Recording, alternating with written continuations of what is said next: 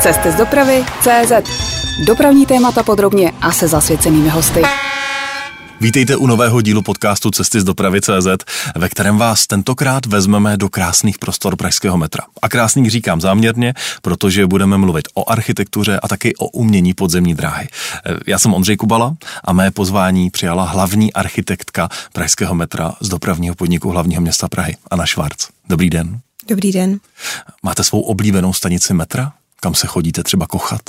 Mám. A která to je? Uh, je to muzeum. Je to muzeum a když mi bylo asi 14 let a měla jsem výtvarný projekt uh, něco namalovat, tak jsem si vybrala muzeum a v podstatě metro vstoupilo do mého srdce už vlastně takhle v historii. Muzeum v, v místě, kdy vnímáte tu stanici ze zhora, je to jedna z mála stanic, kde vidíte na kolejiště, kde vidíte na pohyb lidí, na pohyb Eh, souprav a je to nejenom prostor, nejenom světlo, ale je to ten pohyb, který je vlastně tohoto daného místa nejčitelnější. Takže vy se ráda díváte z vestibulu tou prosklenou stranou na nástupiště C. Je to tak, takový train spotting. Když jede člověk metrem, tak se většinou v případě nás lajků soustředí na to, aby dojel do cíle. A většina z nás se až tak často nedívá kolem sebe. Na co se soustředíte vy, když jedete metrem? Mm, já si myslím, že mám obdobnou zkušenost, eh, že ho používám samozřejmě jako z těch praktických důvodů a eh, díky své práci v něm trávím opravdu hodně času, mm-hmm. protože jezdím ze stanice na stanici. Ale myslím si, že to ohromení nebo nějaká prvoplánová prvoplánový wow efekt není cílem. Že cílem je vlastně velmi jemně vstupovat do podvědomí, ale v tom pozitivním slova smyslu. Není to o tom, aby metro křičelo, že je děsně jako krásný, ale je to o tom, že je vám příjemně, aniž byste si všiml, proč. A nebylo to tak, když se v 80. letech otevíraly některé nové trasy, že metro právě křičelo, že je děsně krásný? Myslím, že eh, určitě tam ta ambice byla, ale na rozdíl třeba od toho moskevského nebo i kijevského, tak eh, to není tak opulentní, že vlastně tohle je docela dobrá kombinace hmm. střídmého elegantního designu versus teda eh, kvality, která tam vstupuje ve formě materiálů, světelných řešení, detailů.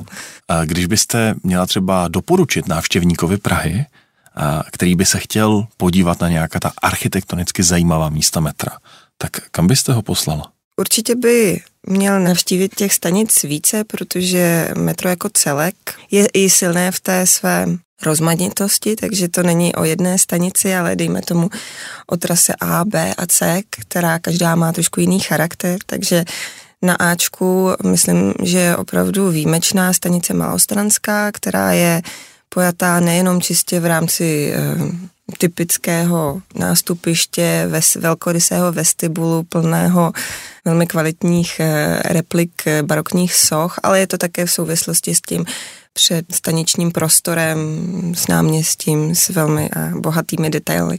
Na Bčku určitě Karlovo náměstí si myslím, že je taková jako pro, pro český stát možná eh, velmi výrazná stanice, kde se uplatňuje ta skleněná síla vlastně našeho národa, kde, kde se vytvořila krásná, ale zároveň funkční e, řešení obkladů a na C je to již zmíněné muzeum, které je velkoryse a, a vlastně velmi strohé, ale je to proto C typické a myslím si, že v tom je, je jeho síla. Dá se říct, že pražské metro je vlastně jako celek je jedno velké umělecké dílo, nebo to jsem přestřelil?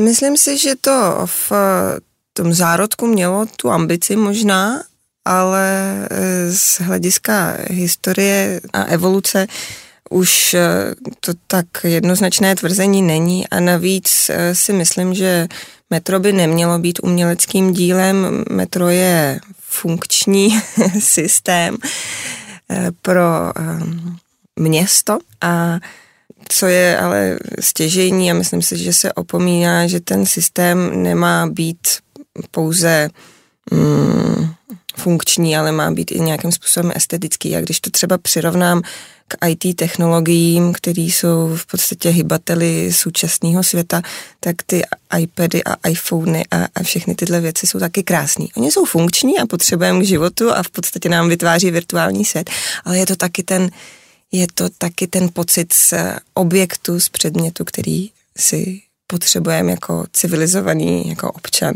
vytvořit. Víte, já si říkám, jak se to vlastně stalo, že v době, která třeba neměla příliš úctu k památkám, vzniklo takhle nádherné metro v Praze? E, já myslím, že to byla doba, která byla tak trošku futuristická a věřila v pokrok, takže ta historie nebyla základem pro výtvarný projekt. E, byla to doba změny, v podstatě revoluční doba a e, soustředovalo se především v těch nově vznikajících objektech a stavbách ta ta vize budoucna. A to si myslím, že v nějakém směru eh, se v pražském metru ve finále mm, reflektovalo lépe, než eh, opět zpět v tom moskevském nebo v kijevském, kde vlastně na, na ten eklektický styl se navazovalo mnohem jako úžej. Ona každá linka pražského metra má trošičku jiný charakter, když se člověk projede. Někde je víc skla, někde je víc kovů, někde je to úplně jinak. A jak vlastně vznikaly ty charaktery těch linek? Myslím si, že je to docela eh, důležitá otázka, která je spjatá se současnou dobou a ve finále řeknu proč. Takže v základu existovala eh, městská rada, která měla s kulturou a s tady tou jakoby reprezentací velmi jasnou ideu, co ty veřejné budovy mají splňovat.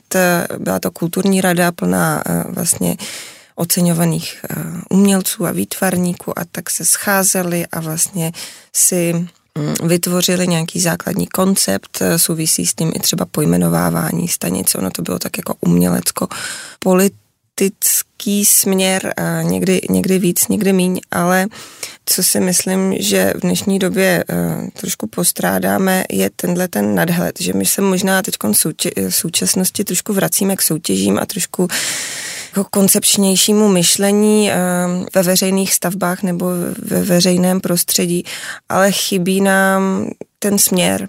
Ten uh-huh. směr se vždycky hledá s nějakou jednou konkrétní soutěží, ale není jakoby jasná vize, která tenkrát si myslím, že byla mnohem um, jasněji formulovaná.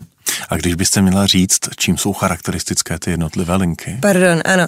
Takže uh, umělecká rada uh, vytvořila libreta a na základě těch libret se už uh, vyzývali jednotliví architekti nebo architektonické skupiny, které pak přinesly návrhy, z kterých se umělecká rada opět vybírala. A pro každou tu linku je tématické něco. Pro Ačko je to jízda pod starým městem, to znamená um, reflexe, nějaká exkluzivita, nějaké zlato hmm. a mhm. přítmí a, a vlastně možná tak trošku gotika, paradoxně. Pro Bčko je to uh, sklo a, a možná keramika, která uh, vlastně v té době, jak už jsem zmiňovala, vlastně pro český národ uh, byla jedna z takových těch nej viditelnějších eh, exportních materiálů, takže, takže to bylo to, ta síla, která se eh, projevovala i v tom metru. A C je vlastně nej, nejstarší uh, trasa, která, která byla hodně ještě spjatá s tím režimovým náhledem na, na, na tuto stavbu a je velmi jako přísná a trošku mauzeální, ale zároveň jakoby v současné době je vidět, že je taková nejmodernější, taková nej, um, jak bych to řekla, nejneutrálnější, nejčistší. Já si říkám, eh, jak citlivé byly potom třeba ty pozdější rekonstrukce. Vy o tom mluvíte teď krásně. Zní to jako pohádka, když člověk půjde do metra za chvilku, až skončí náš rozhovor. Ale přišly povodně, přišly celé řady dalších rekonstrukcí. Podařilo se udržet tuhle atmosféru?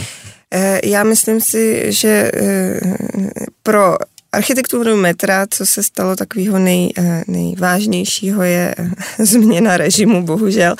V tady tom kontextu to může znít jako až úsměvně, ale začala se prioritizovat především ta finanční a provozní stránka věci. To znamená, že všechny ty kvality, které tam byly, už nebyly příliš vnímány jako kvality a spíš to byl taková jako odkaz minulé doby, takže to je mhm. vlastně takový, my to nepotřebujeme a je to tady nějaká výkladní skříň, která nejsme my a e, díky tomu e, jsme přišli o řadu velmi cených e, uměleckých děl vlastně do těch stanic se začalo zasahovat především z hlediska eh, praktičnosti než estetičnosti a, a i takový orientační systém, který vlastně je eh, spojovacím mostem, linkou celého toho tělesa, najednou dostal úplně jiný vzhled, který nebyl orientovaný na vkus, ale na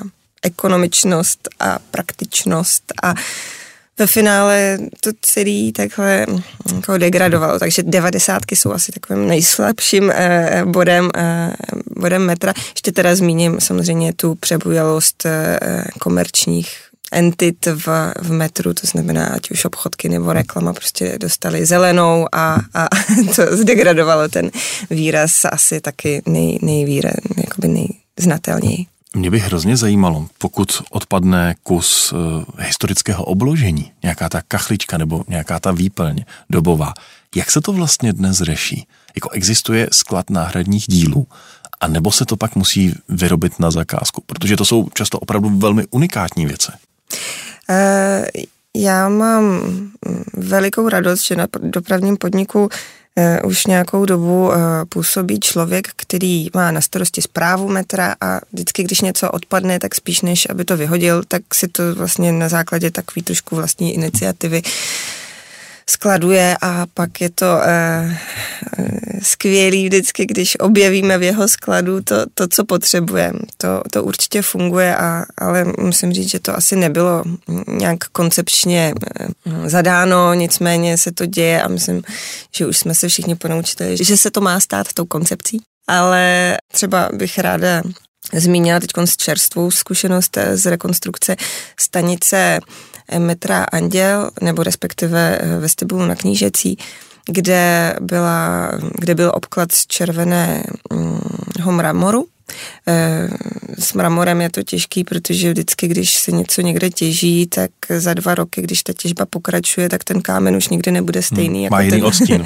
ano, takže my jsme vlastně eh, hledali červenou žulu různě po světě, těch, těch ne, červenou, červený mramor, k tomu, abychom jako sladili tu stávající, ten stávající obklad s tím novým, nicméně ve finále nejlépe se doplňující je ta červená žula, eh, která je vlastně úplně jiný materiál, ale eh, co se týče té struktury žíhání, tak je nejblíž tomu stávajícímu, takže jsou tam paradoxně, eh, není to ten samý materiál z toho samého lomu, je to úplně jiný materiál z úplně jiného lomu, ale tam se zasnoubili úplně jakoby nejlépe. Anna Švarc z Pražského dopravního podniku je dnes naším hostem. Posloucháte interview Cesty z dopravy CZ. Co to znamená být architektem metra? Co si pod tím má like představit? Manažer. Je to takový most eh, mezi kulturou a provozem a realitou a snem.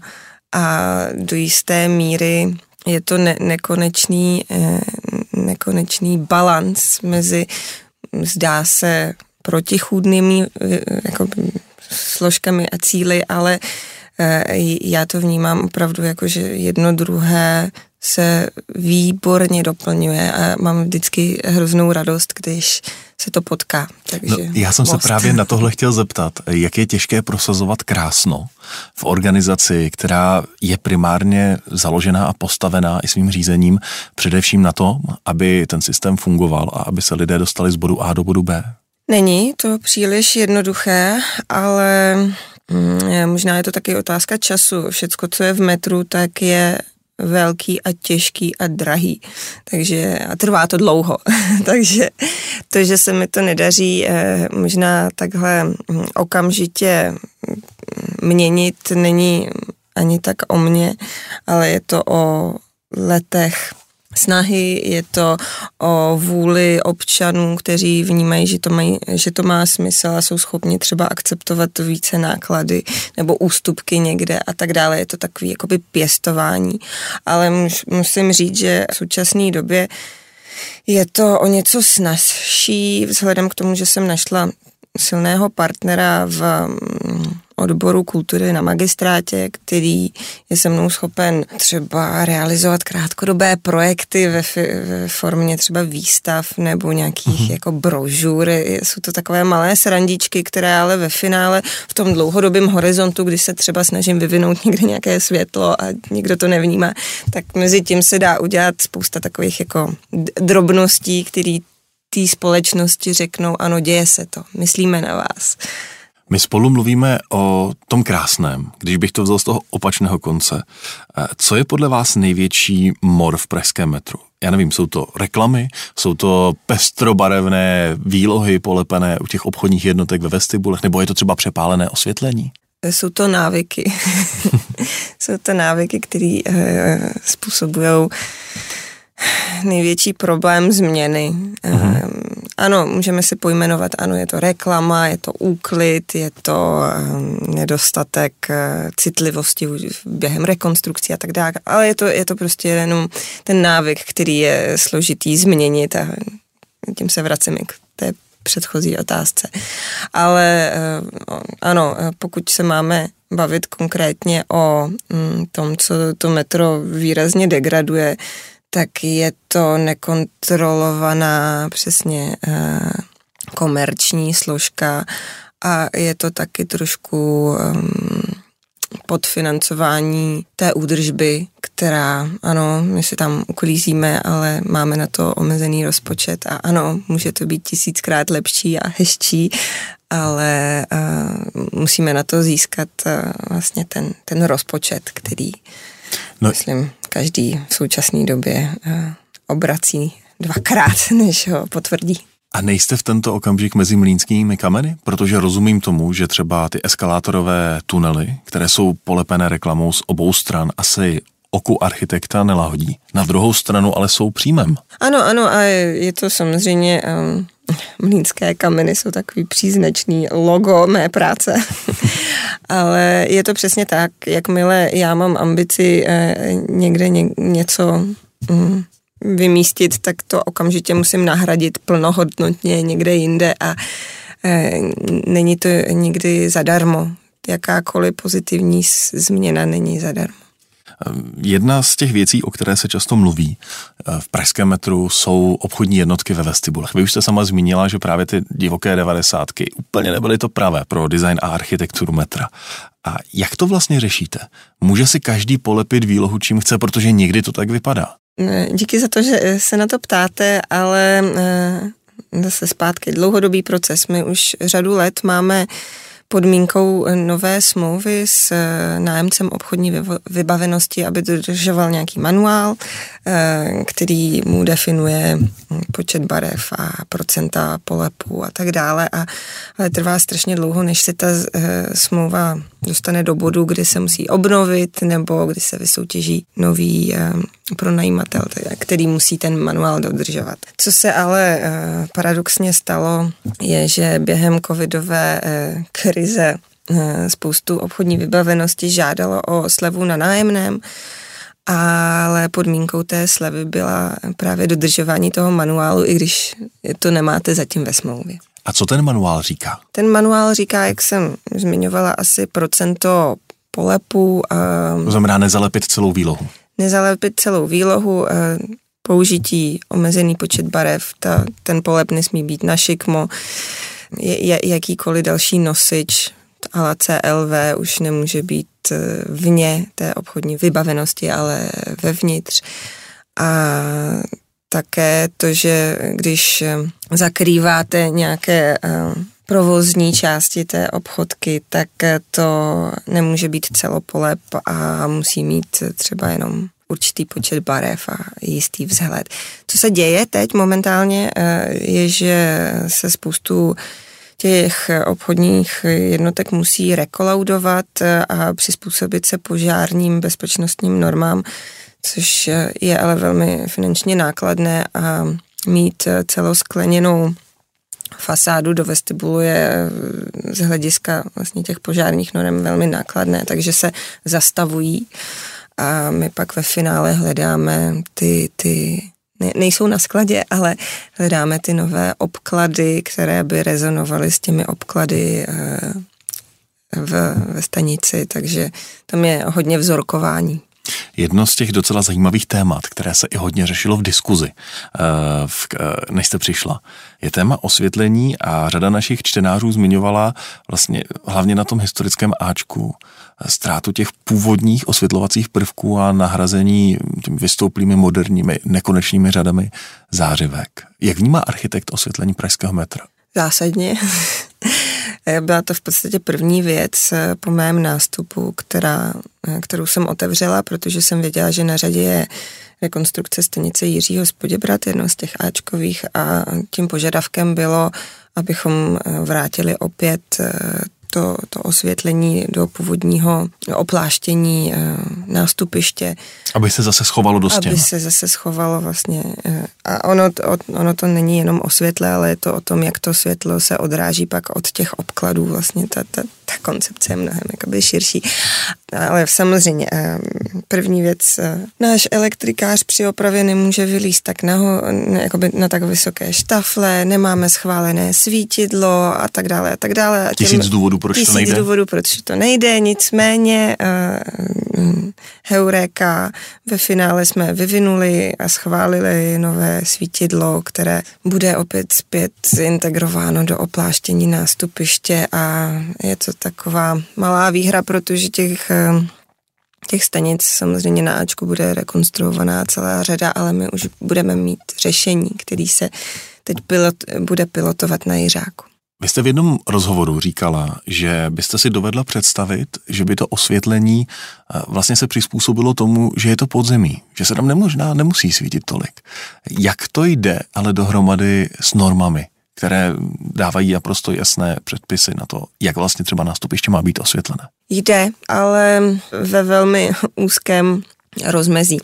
My se vždycky musíme vrátit zpět k té ekonomice, nebo takhle, když svítíme teplej, tak musíme eh, zvýšit eh, ekonomickou náročnost na, na to osvícení, ale ta, ta norma jako určuje to minimum, dá se s ní hýbat, ale jenom pouze v nějakém rozsahu. Co já jsem řešila, je v tom rozsahu jenom nějaká jakoby teplota světla uh-huh. a jeho, dejme tomu, dynamika. To znamená, že přes den svítíme uh, bílou barvou uh-huh. a mhm. večer svítíme uh, teplej, červenou, aby to reflektovalo denní dobu, ale bohužel jsme si tak asi během těch několika vývojových stadí eh, zafixovali nějaké rozmezí, které ať už ekonomického důvodu nebo možná komfortu cestujících eh, to rozmezí eh, tepelnosti a světelnosti jako udržuje mezi třemi a čtyřmi tisíci kelviny, kde ve finále ta dynamika nebude příliš čitelná a proto odstupujeme od, nebo odstupujeme, třeba já nechci říct, že je to úplně uzavřený téma, ale eh, v podstatě jsme se rozhodli, že eh, té muziky, která je souvislá samozřejmě, ať už s tou ekonomií provozu nebo vývojem toho svítidla, je příliš málo na to, abychom to zrealizovali. Vy jste zmínila už rekonstrukci náměstí uh, Jiřího Spoděbrat, stanice Jiřího Spoděbrat. Pojďme to na konkrétním příkladu stručně vysvětlit, co vlastně architektka Pražského dopravního podniku, která má na starost metro, řeší při připravované rekonstrukci. Už jsme zmínili to osvětlení. Co dát bylo ve vaší gesci? Osvětlení je jedna věc, druhá věc je vzorkování materiálu a obkladů, třetí věc je třeba téma eskalátorů, který úplně neumějí uh, být nějaký obklad eskalátorový, který se tam jakoby nemůže vrátit, ať už z bezpečnostních nebo vlastně i estetických důvodů. Ale uh, on je tmavý, takový hnědo, hnědožíhaný imitace dřeva ale vlastně bude nerezový, což je nějakým způsobem kompromis, na který nejsem úplně pyšná, ale z praktických důvodů se s tím nedá úplně jako příliš pracovat. Pak jsou to uh, komerční plochy. Mm, na tom měřáku uh, jsme se o nějakou jakoby zásadní rekonstrukci rekonstrukci, redu, redukci, jako třeba co se odehrálo na stanici Anděl, um, jsme se nepokoušeli, protože všechny ty objekty jsou integrovaný do do stěn a uh, nějak zásadně bychom tím, že zredukujeme nějaké obchodky, jako příliš mnoho prostoru nevyhráli, takže z ekonomických důvodů uh, to tam je ponecháno ve stávajícím stavu. S reklamou nemůžeme hnout, protože vydělává reklama peníze. přesně vydělává peníze, ale uh, na povrchu dochází k redukci um, zastřešení vlastně vstupu do metra a tam už vlastně ta reklama redukovaná bude bohužel, ale jsme ve stavu, kdy budeme opět jí hledat nové místo někde v centru, aby dopravní podnik eh, nepřišel o zisk. Mluvíte o tom, že reklamy je mnoho, ale nemůžeme ji odstranit. Že komerčních ploch je mnoho, ale chyběl by z nich nájem.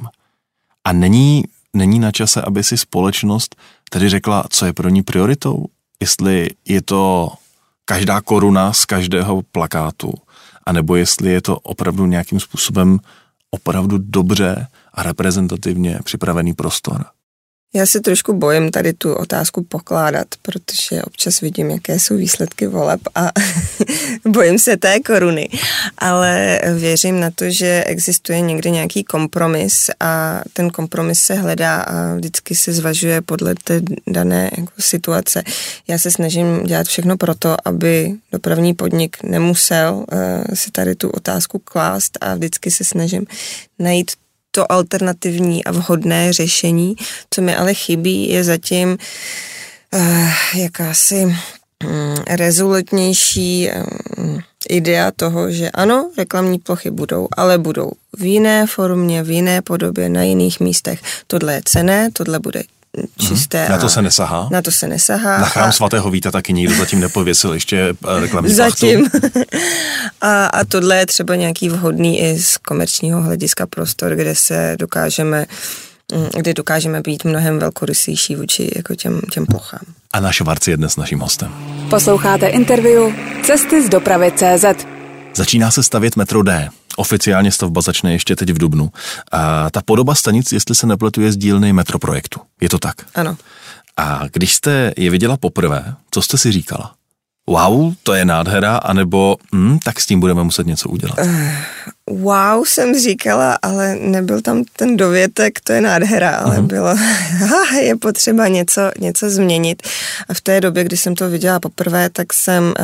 Uh, um, to jste byla ještě na IPRu? To jsem byla na IPRu, uh, kde došlo vlastně na řadě velmi dlouhých, intenzivních a ne příliš příjemných jednáních. Vlastně k docela zásadním změnám a mám pocit, že se to, co zrodilo, nebo to, co přišlo k, k projednání v roce 15 na IPR, eh, že, že ještě u, doznalo zásadních změn, ale teď konc nechci mluvit jenom o metroprojektu, myslím si, že to souvisí i s tím, že město si začalo uvědomovat, že tam ta stavba se, že tam reálně hrozí a developer si to taky začal uvědomovat. A spousta z těch staveb najednou už není uh, neměstsky eh, solitérně stojících eh, v nějakých křižovatkách, ale jsou integrované v zástavbě, takže spoustu těch věcí, které eh, byly tak jako křiklavě ne, neideální,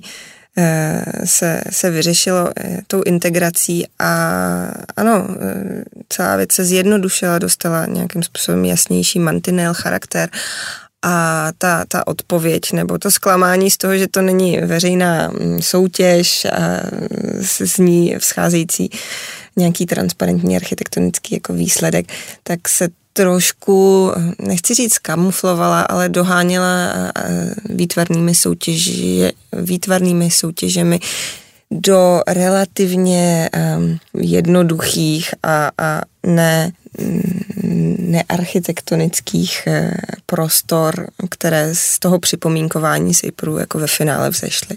Rozumím tomu správně tak, že D tedy bude vypadat jako projekt metroprojektu, klasický, jak to známe třeba z toho posledního úseku Ačka mezi Divickou a Motolem, ale doplněný o umělecká díla? Ne.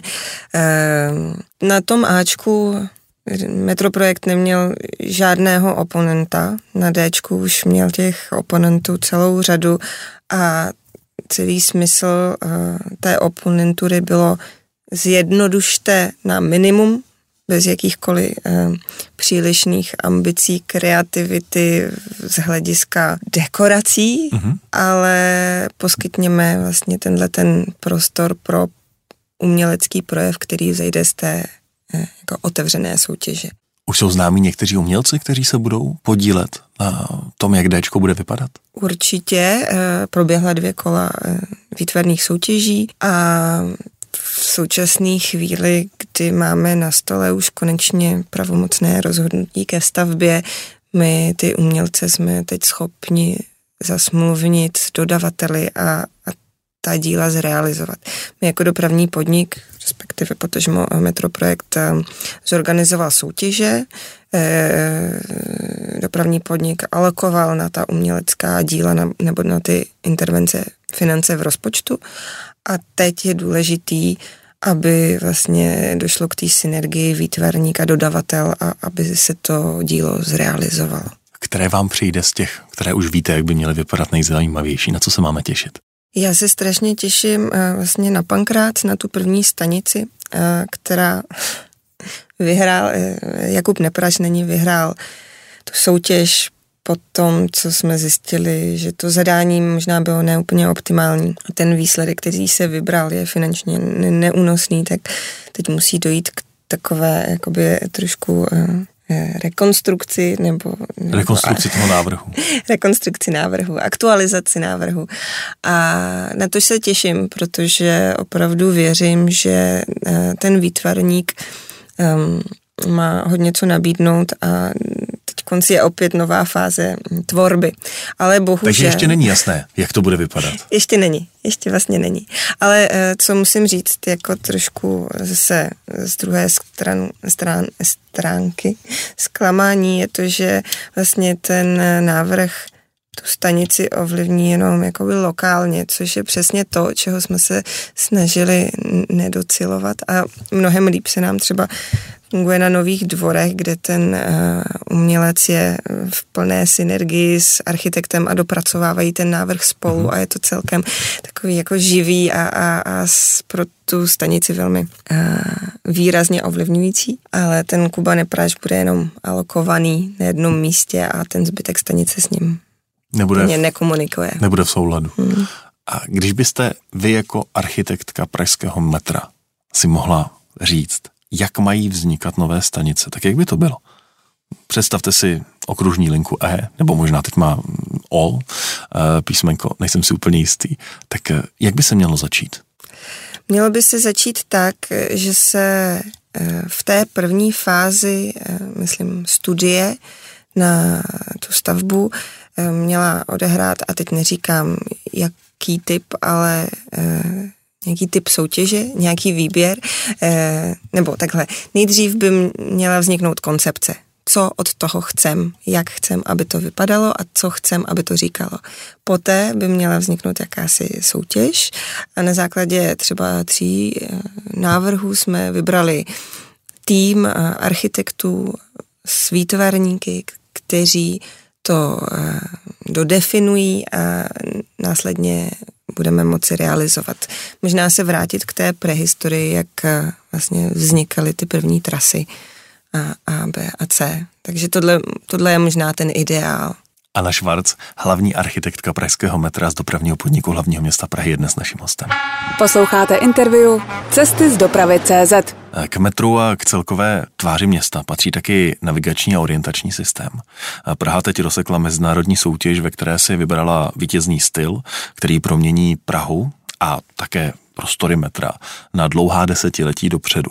V té mezinárodní konkurenci nakonec uspěl český tým grafického studia Site 2, ateliéru A69 architekti a také typografického studia Superior Type.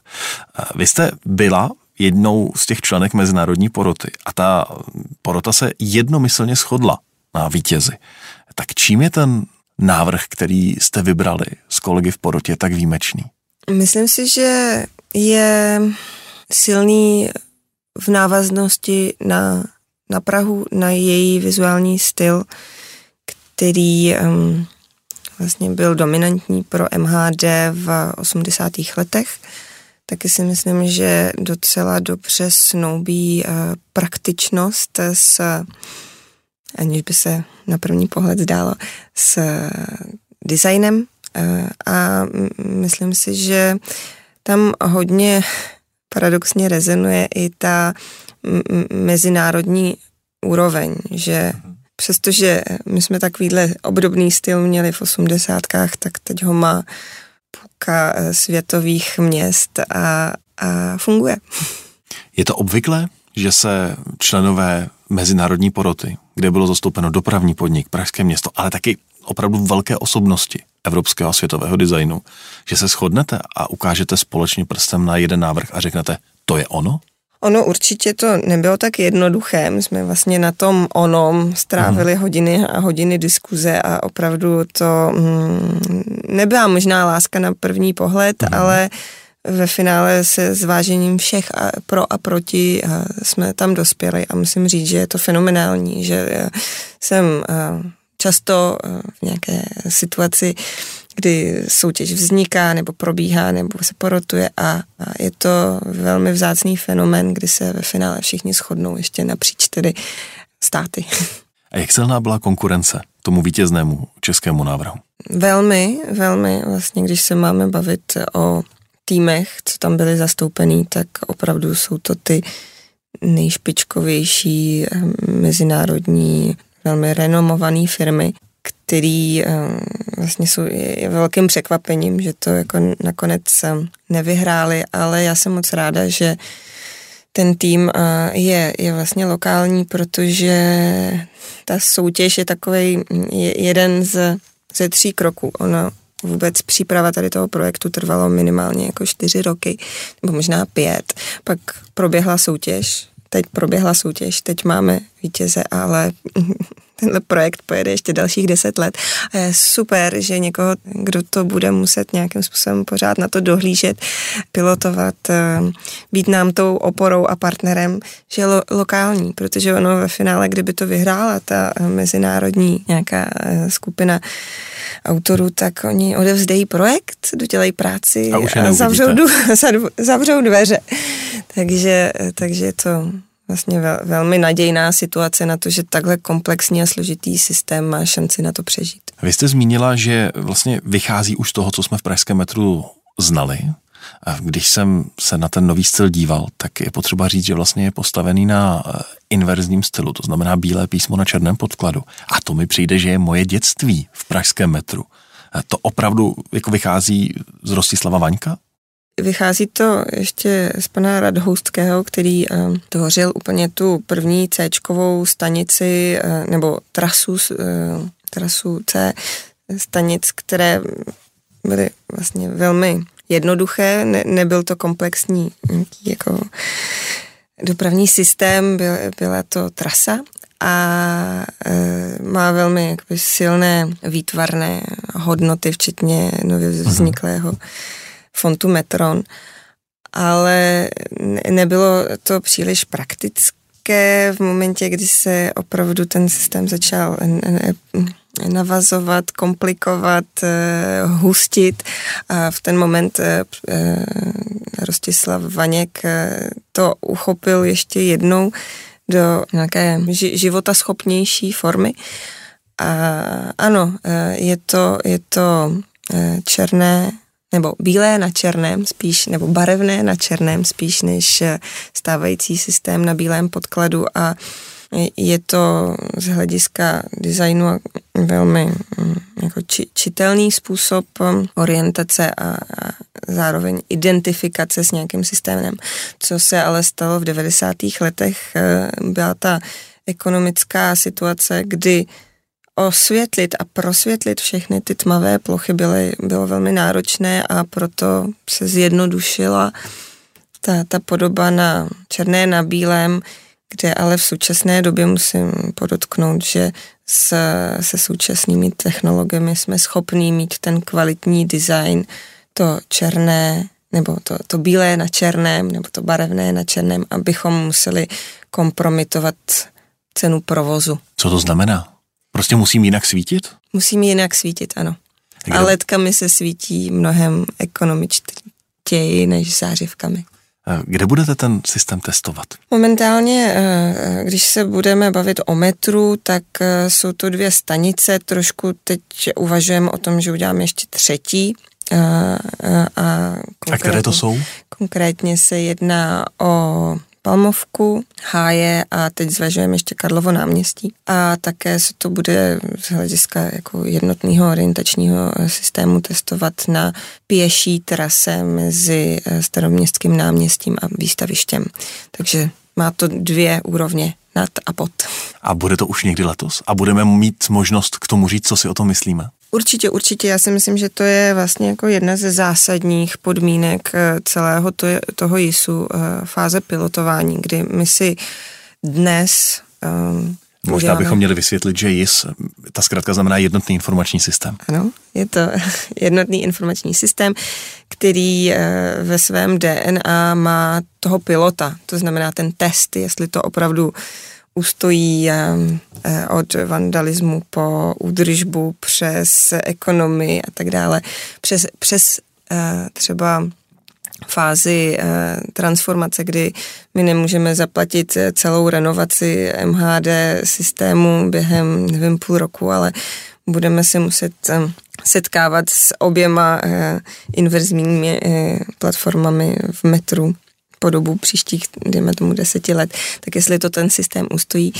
A e, nějakým způsobem začneme s jednodušším vlastně grafickým testem, to znamená přelep stávajících cedulí novou grafikou, což je to úplně nejmenší, co můžeme udělat, až po e, výrobu a, a testování v prostorech těch nových nosičů, který vlastně by měli reprezentovat to finále. Vy jste nějaký čas eh, žila v Londýně pracovala v Londýně. A co mě zaujalo ve vašem životopise, eh, že jste se podílela i na design manuálu některých stanic londýnského metra. To není design manuálu některých stanic metra, a, uh-huh. ale je to design to je jednotný manuál, styl pro celé metro. Přesně tak, jednotný styl pro celé metro a ten uh, jednotný styl jsme na některých z těch stanic aplikovali, že jsme si udělali taky takové jakoby pilotní projekty.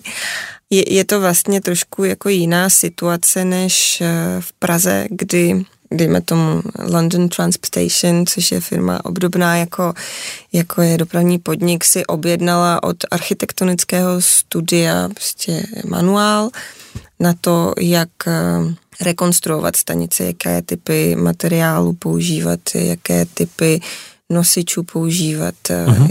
jak pracovat s reklamou, jak pracovat uh-huh. s mhm, mhm. osvětlením. V podstatě takový návod eh, pro zadavatele ve chvíli, kdy vypisuje soutěž na novou stanici metra nebo na rekonstrukci stanice metra nebo eh, reklamní plochy, tak má knížku, tu si otevře, nalistuje a řekne, ano, tohle je zadání. Tedy něco podobného, co teď začíná vznikat v Praze. Já myslím, že to zadání, nebo ten manuál se tak nějak jako personifikoval do osoby, oso, osoby architekta metra, což není knížka, ale je to nějaký člověk, což samozřejmě má své plusy i mínusy, ale mám pocit, že, že to je ta odpověď na, na, na hledání nějaké jako širší koncepce o tom přistupujme tedy k tomu systému nejenom z hlediska praktičnosti, ale i nějakého vizuálu. A váš osobní typ, kde ve světě dělají opravdu dobrý informační navigační systém? Hodně se mluví třeba o Mnichově, o Londýnu. Ten je legendární Legible London. Ano, ale Já třeba jsem inspirovaná i Skandinávií a, a tam je to trošku, eh, jak bych to řekla, eh, zajímavé v tom, že ten systém nemá jakési břímě té historie, že může vznikat jako, jako současný, reagující na současné potřeby, je hodně mm, spjatý s tou digitální platformou a takový to používání o, o oběh e, způsobů navigace je, je už v DNA toho toho systému. Takže já, já mám ráda z hlediska teda orientace Skandinávy, ale z hlediska uh, metra jako takového ty, tu historii neodpářu mm, mm, a vlastně ji tam vnímám jako velmi silnou kvalitu, který, kterou jakoby je strašně těžký docílit v současné době. Eh, z referenčních asi systémů eh, bych zmínila Montreal, který, který je sice daleko, ale je plný umění a velmi elegantních řešení. Zmiňuje Anna Švarc. Cesty z dopravy CZ a dotazy čtenářů. Naši čtenáři vám položili celou řadu otázek, tak aspoň výběr některých z nich. Eh, především na témata, kterých jsme se zatím společně ještě nedotkli. Eh, čtenář, který se podepsal jako P pod tržítkové, se vás chce zeptat, jak se s výzdobou stanic vypořádá chystaná instalace nástupištních stěn pro provoz automatického metra, třeba i na starších trasách, což bude hlavně případ metra C. Eh, to pak z celého krásna zůstane vidět jenom strop, píše čtenář. V momentě, kdy jsem nastoupila na dopravní podnik, tak ano, eh, odpověď byla, bude vidět jenom strop, ale teď děláme všechno proto, abychom si otestovali eh, reálné působení těch stěn, přinejmenším v tom virtuálním eh, prostoru, takže se dělají vizualizace změn. Zvažujeme také, že si vytvoříme 3D model, ve kterém budeme vlastně tu výšku nástupištních stěn korigovat. Takže by nemuseli být tak vysoké? Nemuseli by být tak vysoké, ale vždycky je to um, otázka vyváženosti mezi tím, tou bezpečností a tou estetikou. Naším hostem tady v podcastu Cesty z dopravy CZ byl přibližně před dvěma měsíci šéf AŽD Praha Zdeněk Hedle. A s tím jsme otevřeli téma, že první takováto testovací stěna by se mohla už objevit brzy ve stanici metra B z Ličín. Blíží se to?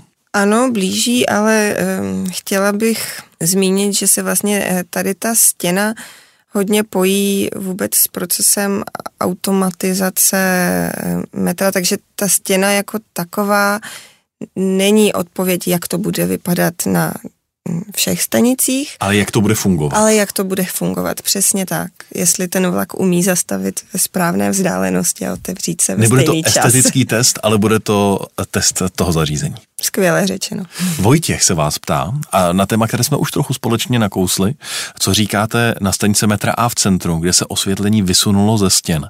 Budete dohlížet při rekonstrukcích v budoucnu, nebo teď už teď, aby se opět tam, kde to bude možné, zapustilo zpátky. My jsme to už říkali, že se o to snažíte, ale že to není úplně jednoduché. Eh, není to jednoduché, ale už je to fakt. Eh, už máme vyvinuté svítidlo, které bude vždy aplikováno na stanicích metra A. Eh, cestující, který se podepsal jako cestující. Eh, chápu, že výtah často do stanice nejde dostat ideálně. Například Anděl, Můstek beru jako dva odstrašující příklady. Ale budete pracovat na tom, aby do stanice výtahy víc zapadly, než je právě v těchto dvou zmíněných stanicích. Z Můzku se stala nepřehledná pouťová atrakce, stanice působí vyloženě ošklivě po všech zásazích a atmosféra Anděla jako jedné z nejhezčích pražských stanic při dřívějším volném průhledu přes nástupiště byla zlikvidována výtahem. Jsme si toho vědomi, e, možná proto tak často, přestože to není úplně praktické, používáme reflexivní materiály, aby ten dopad byl co nejmenší mm-hmm. na těch ve stavbách, ale můžu třeba s potěšením říct, že se nám přestože už jsme měli schválený nějaký stupně eh, projektu eh, na stanici metra eh, Želivského, kde výtah byl opět v centru nástupiště, jsme možná za cenu jako doby vzniku té rekonstrukce, tak jsme ten výstup relokovali do čela stanice a tím pádem ta, ta loď zůstane lodí. Jan se vás ptá, jestli je vůbec udržitelné mít rozpočet na obnovu drahých honosných materiálů ve stanicích, které tam byly před rokem 89. Někde ano, někde ne. Když se bavíme o kameni, tak ano. Když se bavíme o eloxovaných panelech, tak ano ale třeba v momentě, kdy se začneme bavit o skle a, a tvarovkách Františka Víznera na Karláku, tak eh, těžce pochybuju a eh, je skvělý vědět, že jich velmi málo, ale ještě ještě na skladě jsou. Ještě, ale, ale eh, je to um, jedna ruka, co to napočítá pomalu. Pavel se vás ptá, jestli se nedokončí design linky B na Černém mostě, tedy ten betonový tubus ležící vedle silnice. Podle Pavla, podle původního návrhu prý měl být něčím obložený, ale už k tomu nikdy nedošlo. Tubus nevím, ale vím, že vlastně ten výjezd a odstav autobusu ze severní strany nebo z východní strany, eh, tak měl být eh, obložený, ale tam se chystá mnohem jakoby radikálnější proměna celého toho nádraží, takže tam asi k tomu původnímu záměru se už jako ne, nevrátíme. Václav píše otázku eh, na takové ty ocelové držáky na letáky Ropidu a dopravního podniku. Tyto stojany jsou podle ní dlouhodobě prázdné, protože se komunikuje dnes už jinými způsoby, než jsou jenom letáky. Tak se chce zeptat, co brání jejich odstranění. Už nic. Je to téma, které jsem opět e, vznesla před několika lety. Metru všechno dlouho trvá, ale vím, že teď už, a mám to aktuálně potvrzené, nevím, jsou to tři týdny, že je to na odstupu, potřebujeme jenom firmu nebo jedince, nebo kdo chce stojan, tak si ho vemte. jenom potřebujeme zorganizovat ten, eh, eh, ten odstroj, ale už jsou všichni pro. Eh, čtenář, který se podepsal jako MHD, se vás ptá, co říkáte na design budapeštského metra M4, je to ta nejnovější zelená trasa. Je sice už z roku 2014, ale já se neubráním srovnání s o rok mladším prodloužením Ačka do nemocnice Motol a přijde mi to jako skok o 20 let zpět, ovšem v neprospěch Prahy. Souhlasím, eh, ale to, co se odehrálo v roce 2013, eh, my už dnes neovlivníme. A to je ta doba, kdy se rozhodovalo, jestli se to udělá na zakázku, anebo jestli proběhne nějaká soutěž.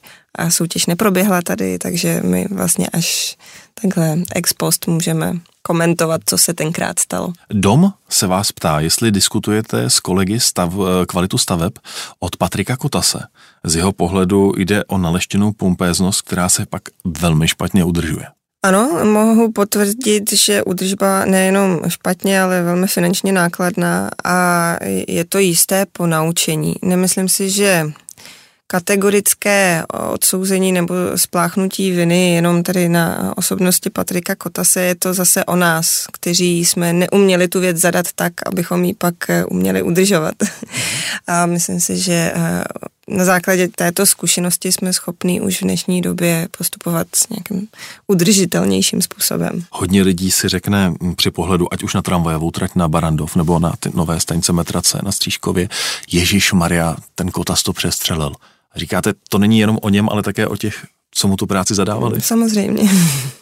Eh, Tomáš se vás ptá, jak uchránit krásné pražské metro před šedým morem současných v úvozovkách architektů, kteří neumí používat barvy a další vše hnusné, šedé nebo rovnou černé. E, nejraději by odbarvili i zeleň a z metra udělali pitevny a válečné bunkry. Máte z toho strach?